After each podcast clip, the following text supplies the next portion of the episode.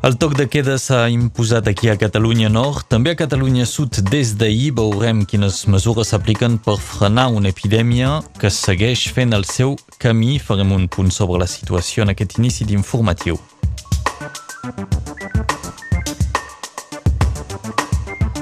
A la resta de l'actualitat també parlarem de la collita de les olives. És doncs, un moment important ara de la temporada de collita. Veurem que aquest any hi ha una forta disminució de la quantitat de fruita. I Polònia s'ha mobilitzat aquell cap de setmana eh, contra la sentència del Tribunal Constitucional que il·legalitza l'avortament per malformació del fetus.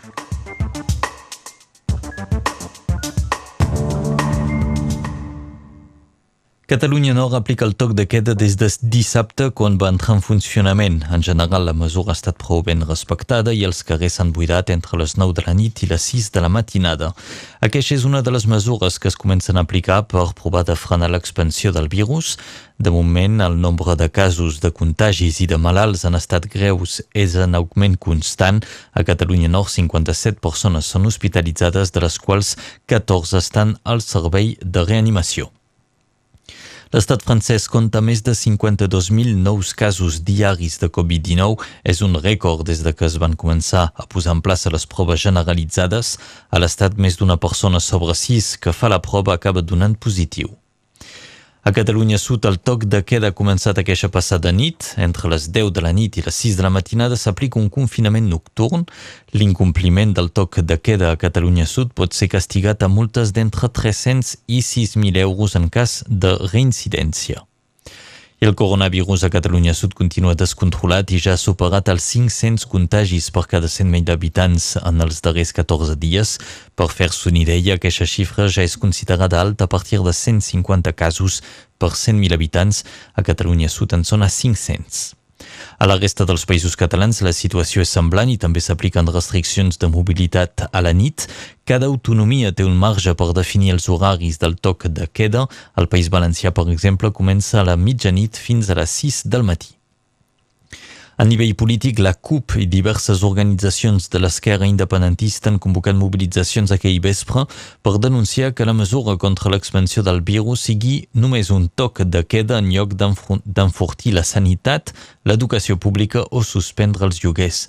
La convocatòria la signen la CUP, Alerta Solidària, Aran, la coordinadora obrera sindical Endavant i el sindicat d'estudiants dels països catalans.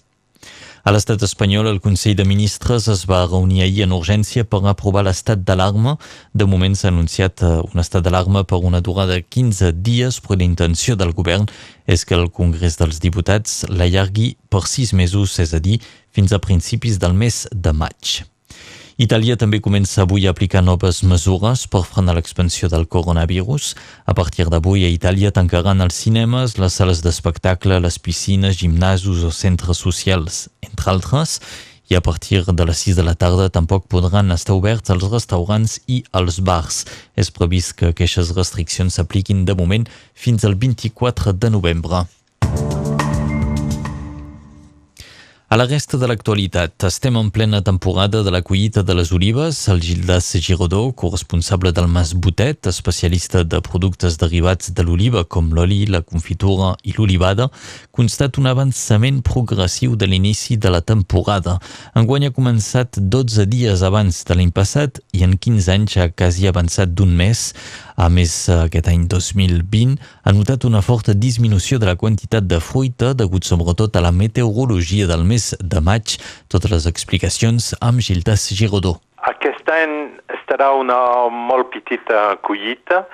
Bé, al nord, vol dir a Catalunya Nord, que tenim 10 hectares d'oliveres, farem quasi 60% menys.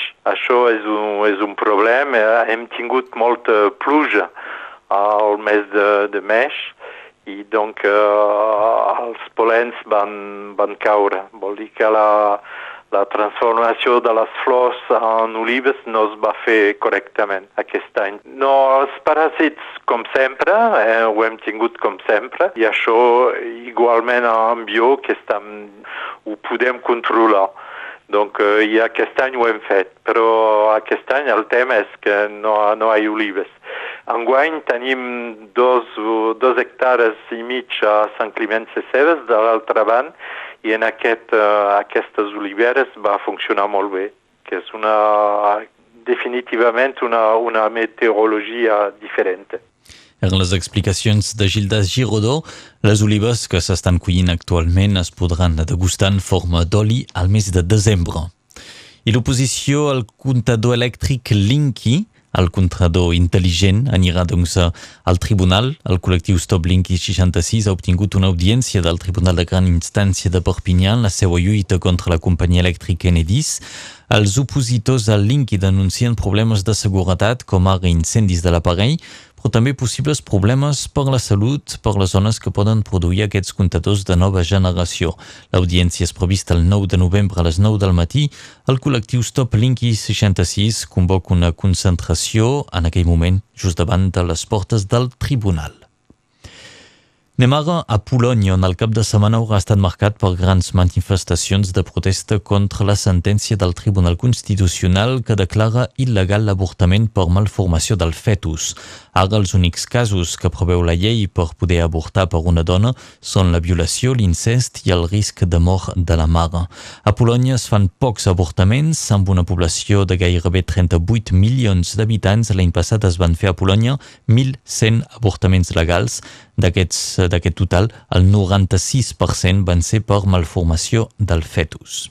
I el dret a l'avortament és actualment molt qüestionat amb 32 països que han signat una declaració comuna en contra de l'avortament. Els Estats Units, el Brasil o l'Egipte són alguns dels països que l'han signat, denuncien que no hi ha cap dret internacional a l'avortament ni cap obligació pels estats a finançar o facilitar la interrupció voluntària d'embaràs.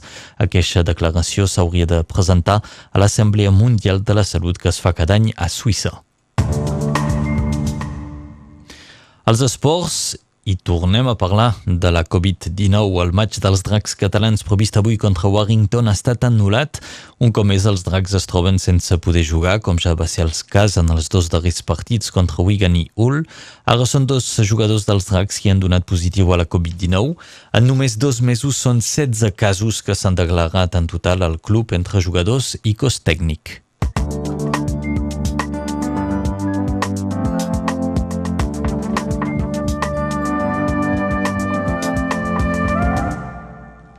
Passem ara al temps que ens presenta l'Enric Balaguer.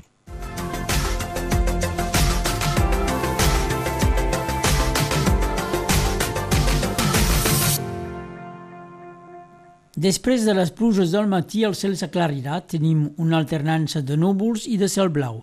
La tramuntana bufa amb una força mitjanes cap als 50 o 65 km per hora. Precipitacions febles segueixen a la tarda a la Cerdanya i sota forma de neu per sobre de 1.600 metres, però en quantitats febles.